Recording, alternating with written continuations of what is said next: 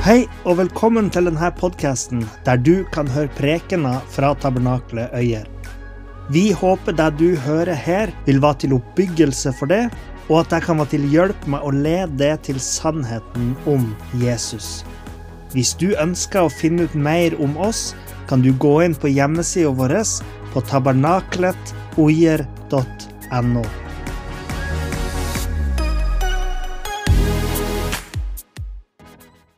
Altså, jeg lurte litt på hva jeg skulle si i forbindelse med dagen i dag.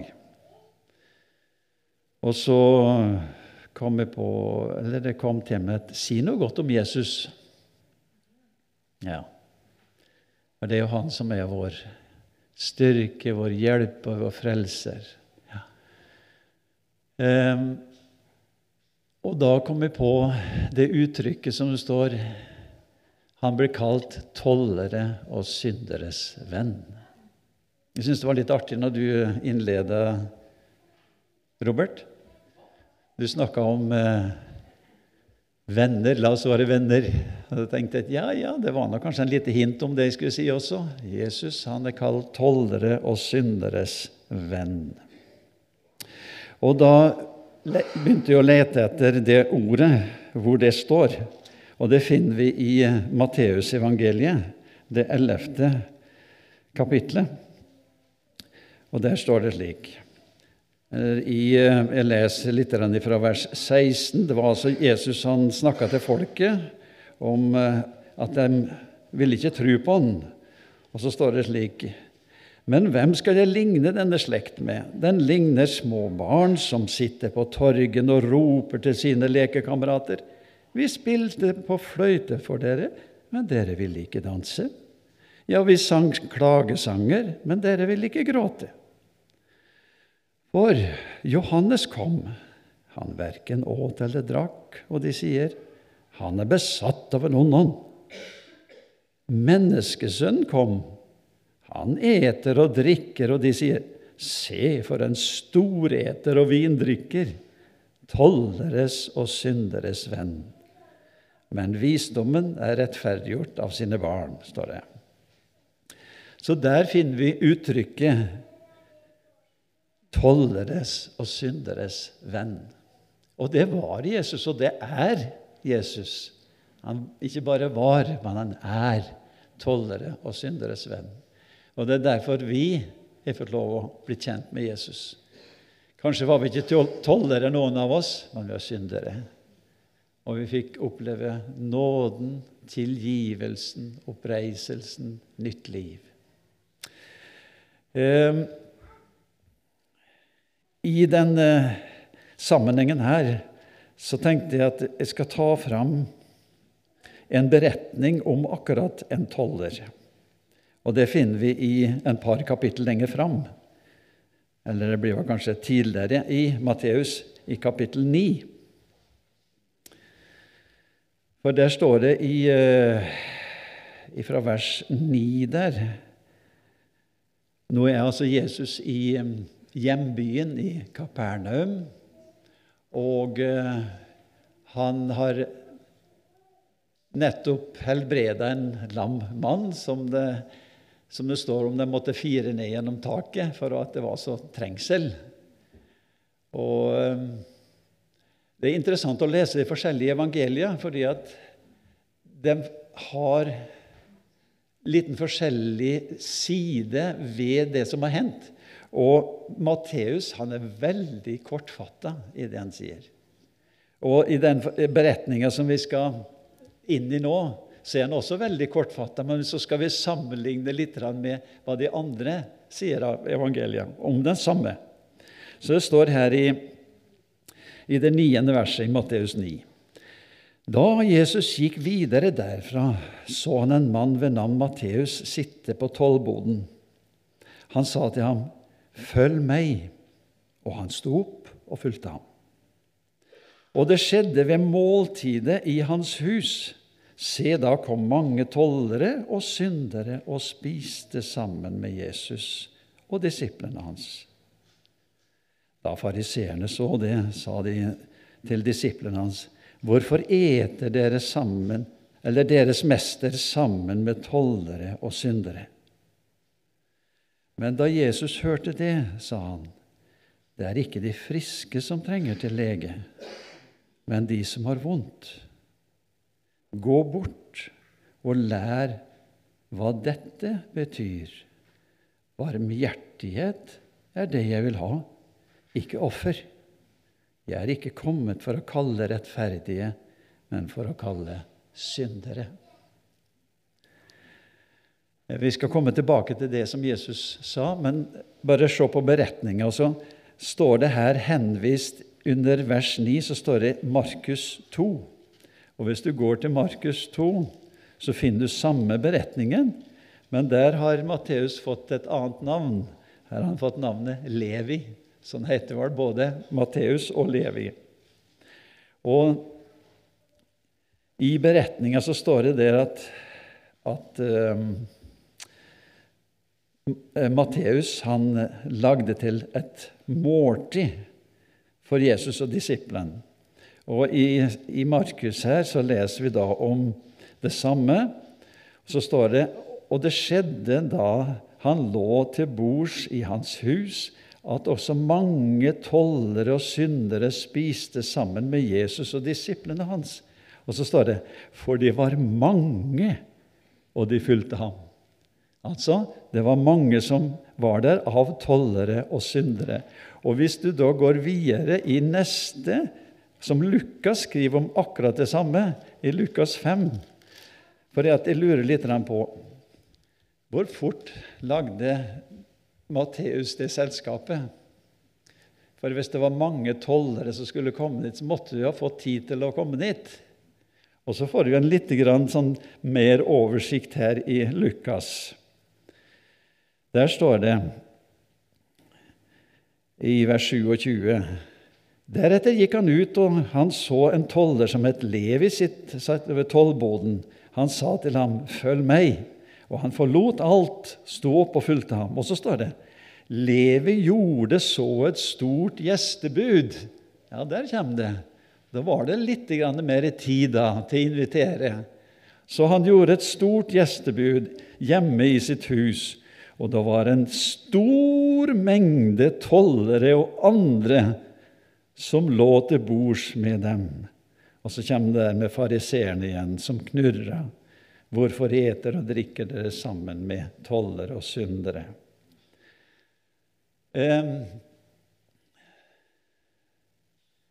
Hva skjedde med Matteus?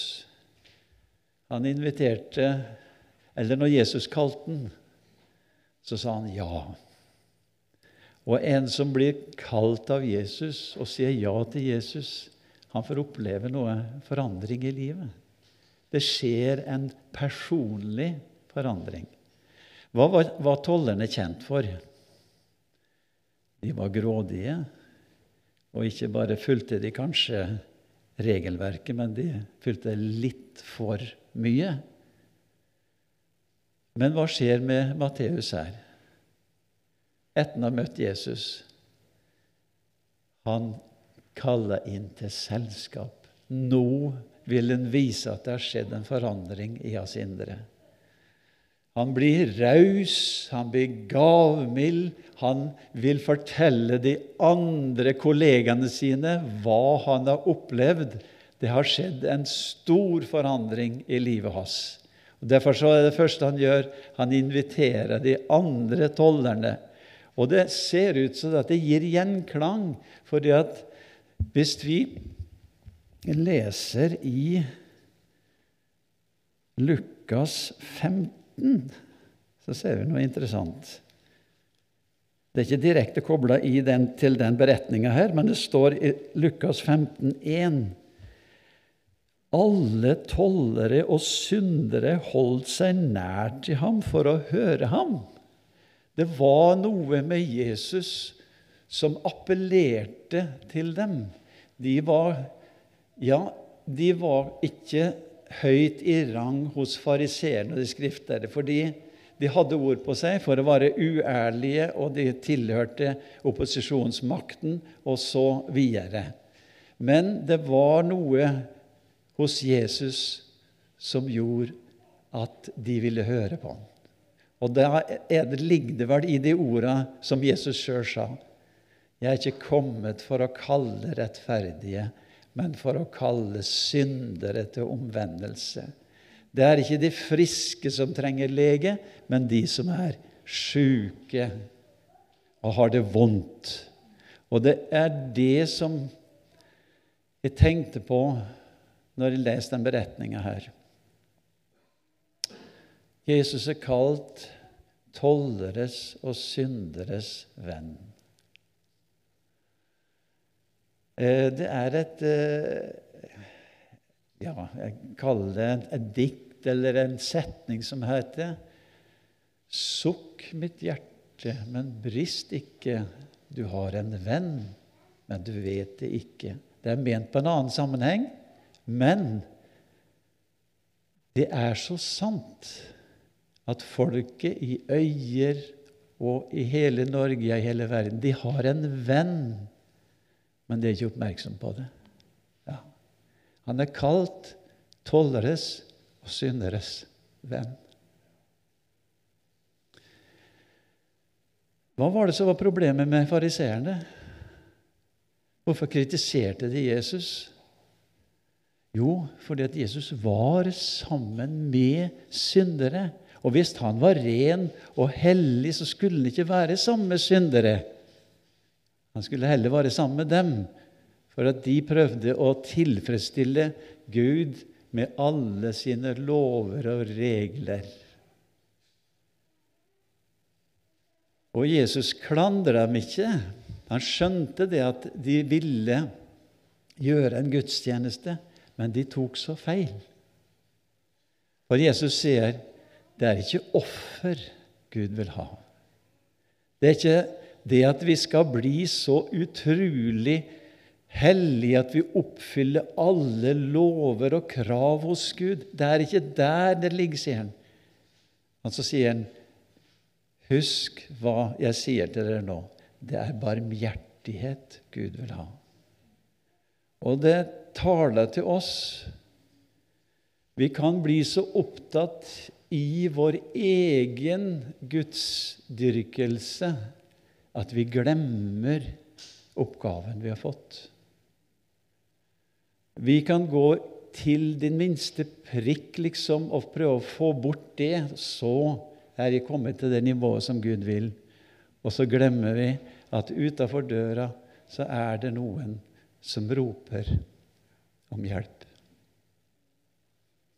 Jesus han tok seg tid.